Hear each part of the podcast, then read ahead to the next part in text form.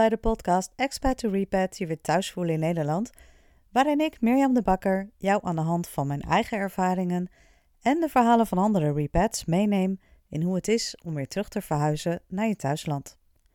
Voor sommigen is het alsof je nooit bent weg geweest. Je pakt je favoriete vintage winterjas achteruit de kast en hij past nog precies. Maar voor velen is met name de eerste periode lastiger dan je van tevoren had bedacht. Want in de tijd dat je weg was, is Nederland veranderd, ben jij veranderd en dus voel je je misschien niet meteen weer helemaal thuis hier. Verwarrend, want je komt hier toch vandaan, je spreekt de taal, hebt hier familie, vrienden, een baan. Dus waar ligt het dan aan? En veel belangrijker, wat kun je doen om je snel weer thuis te voelen, om je plek weer te vinden? Ik praat hierover met andere repats, deel inzichten, tips en ervaringen met je. Eigenlijk alles wat ik zelf graag van tevoren had willen weten. Zodat jouw terug naar Nederland reis sneller en fijner verloopt dan de mijne.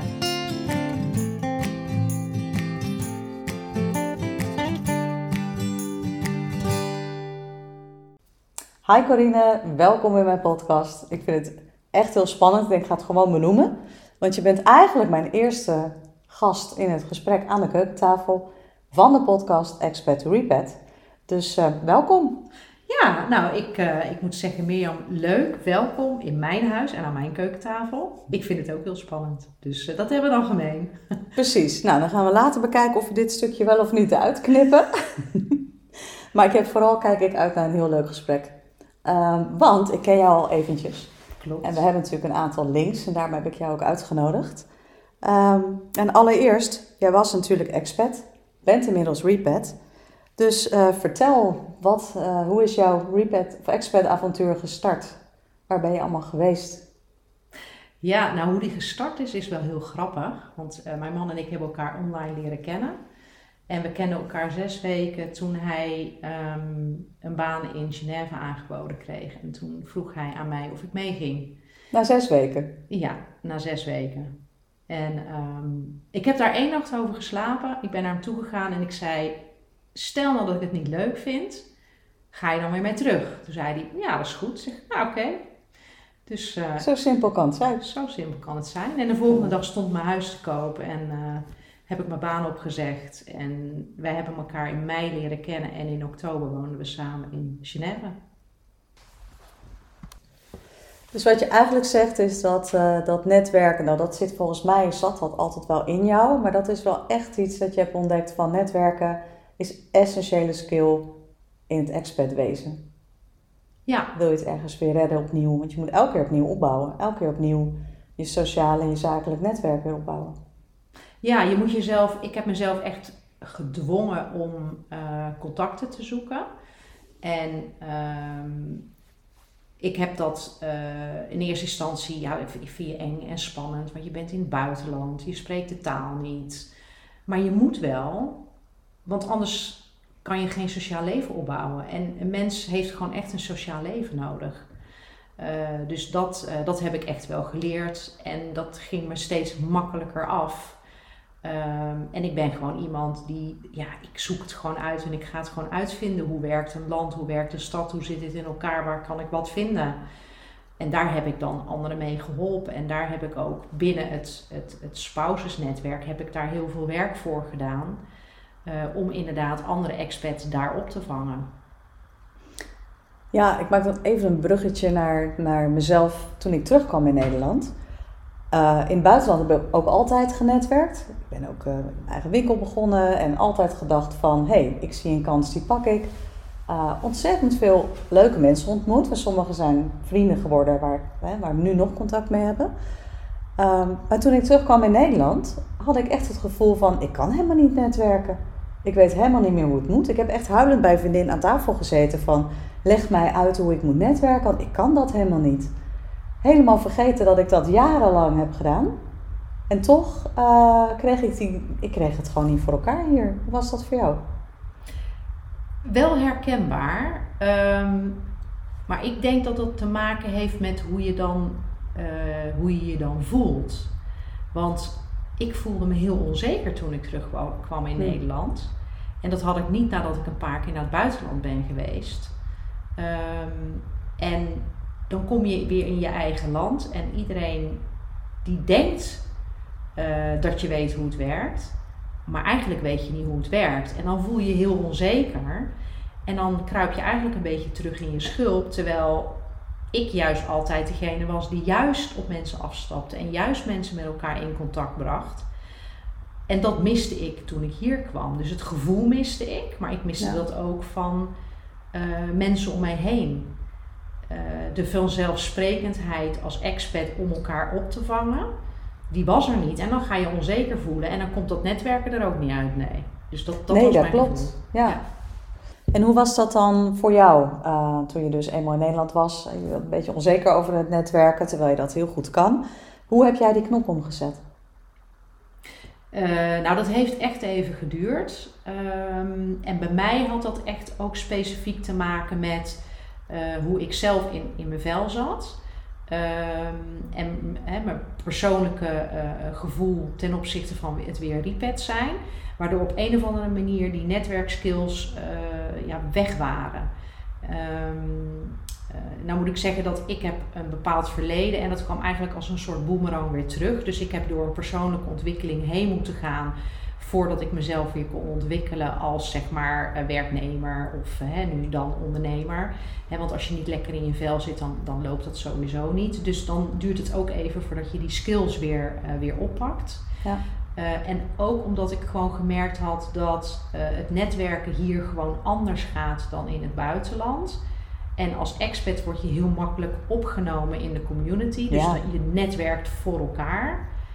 En in Nederland is dat echt een stuk minder, omdat uh, ze zien jou gewoon als een van hun Nederlander. Je bent weer terug, je weet hoe het werkt.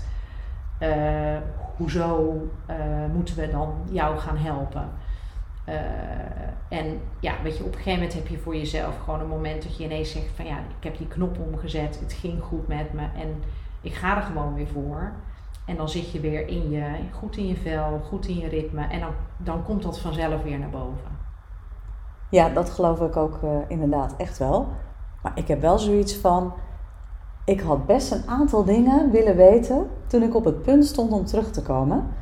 Um, en dan ga ik even terug, een klein stukje weer terug in de tijd. Uh, jullie zaten in, in Cincinnati. En op een gegeven moment valt de beslissing: je gaat weer terug.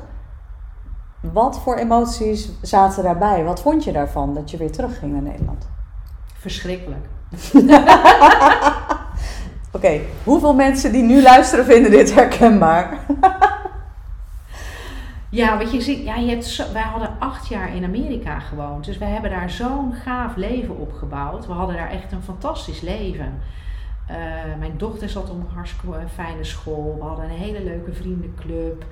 Uh, ja, en dan word je daar gewoon, voel je als uit weggerukt. Um, dus ja, dan moet je echt. En wij zouden eigenlijk niet naar Nederland gaan, we zouden eigenlijk weer verder trekken. Dus ik moest helemaal een knop, knop omzetten. Want ja. als je een expert assignment hebt of een, weer terug gaat naar Nederland, dat zijn twee verschillende dingen. Dus ik heb eigenlijk niet eens kans gehad om erop voor te bereiden. Ik, ik moest gewoon gaan. Ik heb in een maand letterlijk alles moeten regelen van huis zoeken, school, waar gaan we wonen, verhuizing regelen en weer terug in Nederland zijn. Ja, dan komt, sorry, de interieurontwerper in mij weer even naar boven. heb je toen heel netjes alles gesorteerd, uitgezocht of heb je alles gewoon in die container laten gooien en gedacht, ik zie het allemaal wel als ik terug ben? Uh, nou, meer van het laatste. Maar we hebben wel gelukkig kans gehad om iets weg te doen. Want we wisten ook wel we zijn van uh, huis samen naar uh, groter appartement, nog een groter huis, nog een groter huis gaan. Dus dan ga je meer dingen bijkopen en bijkopen ja. en bijkopen. En nu was het van, oh, we gaan terug naar Nederland. Oeh, we moeten wat wegdoen. Uh, maar nee, ja, het wordt voor je ingepakt en uh, je hebt geen tijd om erover na te denken. En het, het wordt gewoon allemaal ingepakt en bij elkaar gegooid. En soort wervelstorm, hè? Het is ja. echt zo van, oh, we gaan. Acht jaar is natuurlijk best wel een lange tijd om op, uh, in een ander land, ander continent te wonen. Dan ga je die cultuur natuurlijk ook echt leren kennen. Um, zijn er dingen uit de Amerikaanse cultuur of een andere cultuur of uit het expat bestaan waarvan je zegt, ja, dat heb ik echt geleerd en overgenomen en dat pas ik ook nu nog toe? Er zijn twee dingen. Eén is, uh, en dat gebruik ik dan ook vooral tijdens het netwerken, wat ik van Amerikanen heb overgenomen. Uh, ze zeggen elkaar altijd gedag, ze zijn altijd vrolijk en ze geven altijd complimenten. En dat maakt je dag. Hè? Dus je komt een winkel binnen. Hey, how are you? Het is iets heel kleins.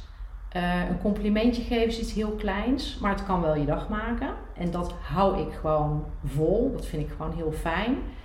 Um, en het tweede is, uh, plan je agenda niet helemaal vol, maar dat heeft meer als expat te maken. Uh, wij hebben natuurlijk, als expat heb je geen familie om je heen, dus je hoeft niet alle verjaardagen langs dus dat scheelt dan een heleboel in je agenda. Ja, dat scheelt heel veel. ja. En um, wij hadden gewoon heel veel ruimte om spontaan dingen te doen. Dus um, dan uh, hadden we de kinderen van school gehaald. En dan appten we elkaar van, oh het is mooi weer, uh, zullen we een barbecue doen? Oh ja, dat is goed, neem jij dat mee, neem jij dat mee, neem jij dat mee. En je had spontaan een, een feestje. En ja, toen ik terugkwam, miste ik dat wel. En moest ik in Nederland ineens pas over zes maanden iets in de agenda plannen. Ja. En uh, ik heb gelukkig dat een klein beetje in onze vriendenkring er ook in kunnen krijgen. Maar ik denk dat corona daar een klein beetje aan heeft meegewerkt. Want er was ineens die hele agenda leeg. Ja, precies. En toch, toch bij de meesten zie ik dat hij nu weer net zo vol is als voor corona. En dat doen wij dus echt bewust niet, omdat ik het juist zo leuk vind om last minute te zeggen: hé, hey, we hebben die en die lang niet gezien. Kunnen jullie? Oh ja, leuk. En dan vind ik dat soort momenten en avonden ook heel bijzonder. Want dan, dan het is niet iets wat al maanden in de agenda staat. Het is echt iets waar je allemaal op dat moment behoefte aan hebt. En ik vind dat best wel heel waardevol. Wij krijgen het nog niet zo door in de vriendenkring, behalve bij de mensen die zelf ook in het buitenland hebben gewoond. Die hebben dat ook. Klopt. Ja, wij hebben inderdaad een stel hier in het, uh, in het dorp wonen die dat ook hebben. Uh, en dat zijn net twee stellen. Eentje die waren al vrienden van ons. En één zijn nu uh, hier heel vlakbij gaan wonen. En die staan daar ook voor open en die hebben dat ook zo. Ehm, en gelukkig ook wat, wat familie die daar ook voor in zijn. dus dat is echt wel een tip. Dus als je weer terug bent, ehm, hou er rekening mee dat agendas volgepland zijn maar probeer ook jouw, uh, jouw visie te laten zien waarom jullie het op een andere manier doen. Dus probeer daar een beetje een evenwicht in te vinden. Want je zal op een gegeven moment toch wel moeten om die agenda te vullen. Nou ja, anders zie je gewoon ook niemand meer. Want dan heeft iedereen alles al gepland en dan hebben ze geen tijd meer. Het heeft natuurlijk ook voordelen, hè, plannen, laten we wel wezen. Maar als het gaat om sociale dingen, dan vind ik de, ja, spontaan nog altijd wel de voorkeur hebben. Um, ik denk dat Engeland trouwens ook wel overeenkomsten heeft met Amerika in hoe ze elkaar benaderen. Um, ik weet dat ik noemde het altijd pay it, pay it forward. Dus dan was ik in de supermarkt en dan was ik eigenlijk nog een beetje geïrriteerd of iets. En dan zei iemand, uh, how is your day love? En dan dacht ik altijd, oh ja, zo kan het ook. En dan ging ik met een glimlach naar buiten. Misschien is het een beetje fake, maar het is wel gewoon fijn. En als er dan iemand gehaast was, dan liet ik hem rustig voorgaan in plaats van dat je van die road rage momenten krijgt, hè? dat iedereen je afsnijdt of zo. Ik had wel het idee dat iedereen net wat liever voor elkaar was daardoor. Dat je een soort van positief sneeuwbaleffect hebt. Ja, dus, herkenbaar. Eh, want ja. Uh, de eerste uh, ervaring hier in de supermarkt, ik kan me nog zo goed herinneren, want ik was Amerika gewend. Nou, daar heeft iedereen de tijd en dan worden je boodschappen nog netjes voor je ingepakt. Oké, in heel veel van die plastic zakjes. Uh, en dan gaf ik altijd mijn boodschappentas. En dan eh, praat je prut bij de kassa en niemand had haast.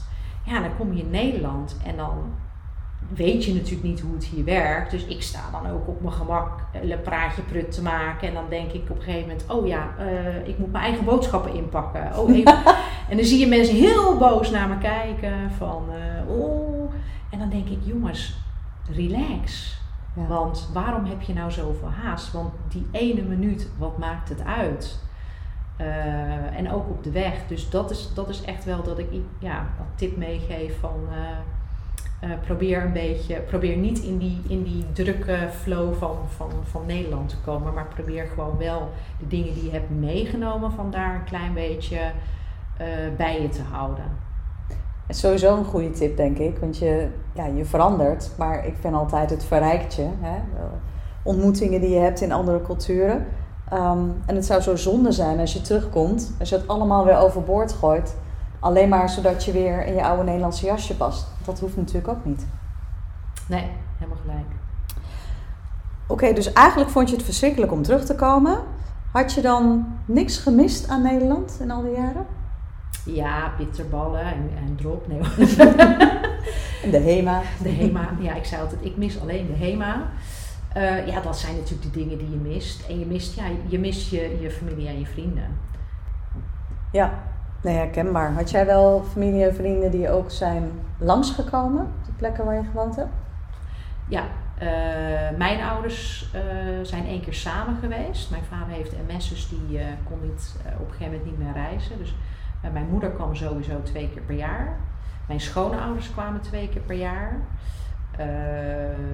Peter zijn broer is langs geweest, zijn zus, mijn zus met de familie zijn langs geweest. Zijn diverse vrienden langs geweest. Dat maakt ook wel mooie herinneringen. Ja. Dat ze echt gezien hebben hoe je daar leeft. Ja, en ze komen dan ook een langere periode. En dan, dan bouw je eigenlijk in die periode gewoon een intensere, uh, intensere band op. Uh, en dan begrijpen ze ook veel beter uh, wat het is om daar te wonen. Ja. En dat zijn ook echt wel de vrienden die nu weten hoe het is om terug te zijn.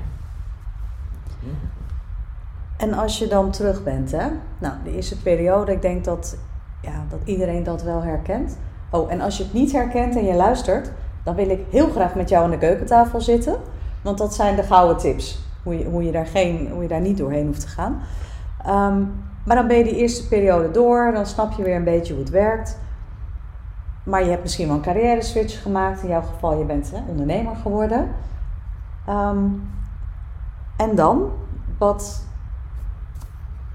wil ik dan vragen?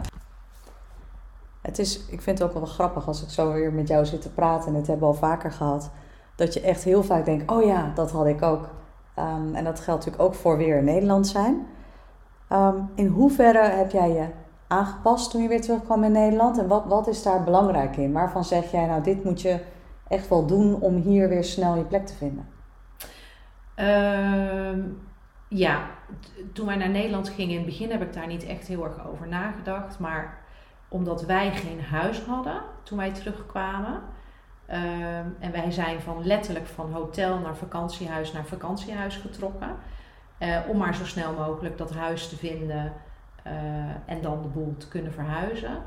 Um, zorg dat als je terug naar Nederland gaat, dat je een plek hebt waar je thuis voelt. Want uh, alles wat je natuurlijk had als je als expert gaat reizen, zijn de spullen die je hebt en jouw herinneringen. Ja. En als je die dan niet hebt en je bent dan weer terug in Nederland waar je dan ook niet in thuis voelt, uh, ja, dan heeft het gewoon echt even geduurd voor ons voordat we ons thuis voelden. dus wij hadden we zijn in september teruggekomen en in april woonden we in dit huis. En, en dat vond ik echt verschrikkelijk. Ik was echt mezelf kwijt. Uh, dus dat is echt een tip. Zorg dat je, als het kan, zo snel mogelijk een plek zoekt waar jij je thuis voelt.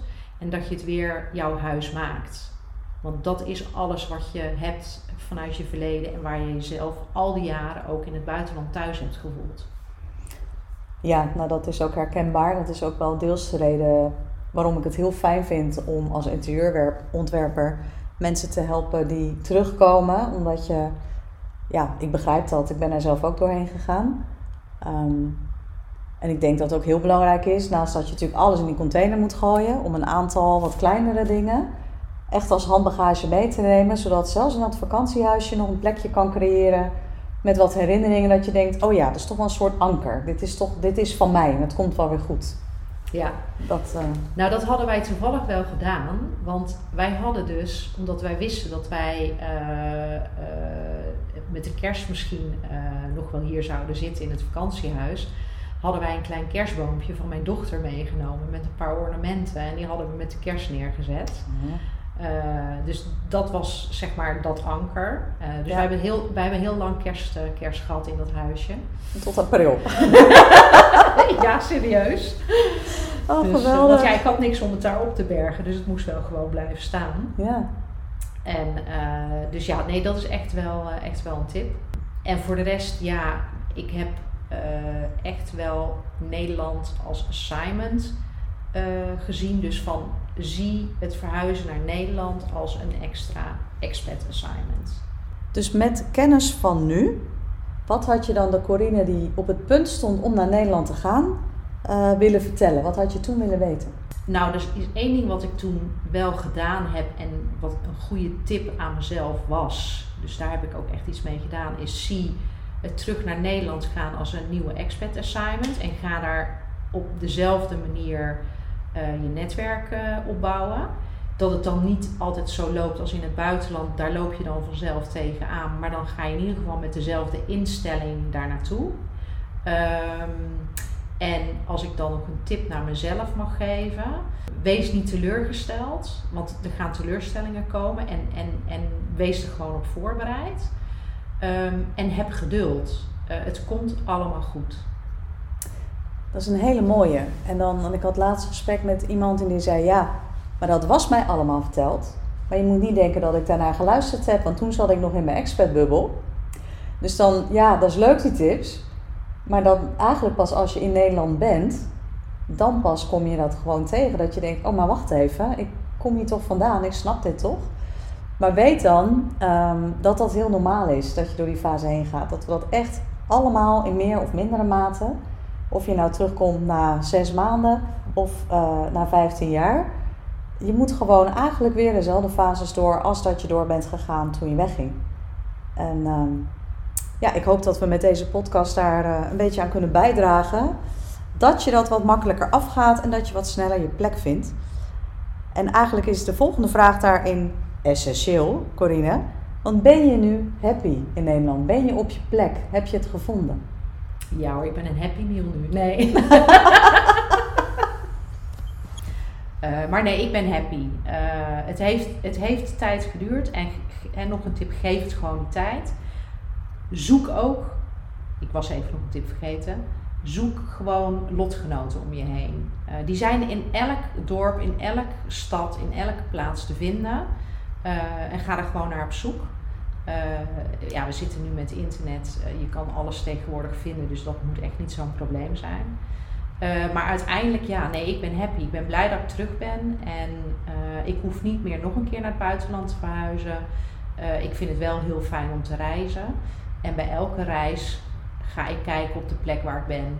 Hmm, zou ik hier kunnen wonen? En er zijn weinig plekken waar ik dat niet zou kunnen. En toch elke keer kom ik weer in Nederland en denk ik, ah, wat ben ik blij dat ik weer thuis ben. Ja, lekker is dat toch, hè? Ja. Ehm, dan heb ik nog één vraag voor jou. Ik ga jou even een dilemma voorleggen. Maar ja, dit had ik heel leuk voorbereid. En ik had ook echt, vond ik zelf een top dilemma.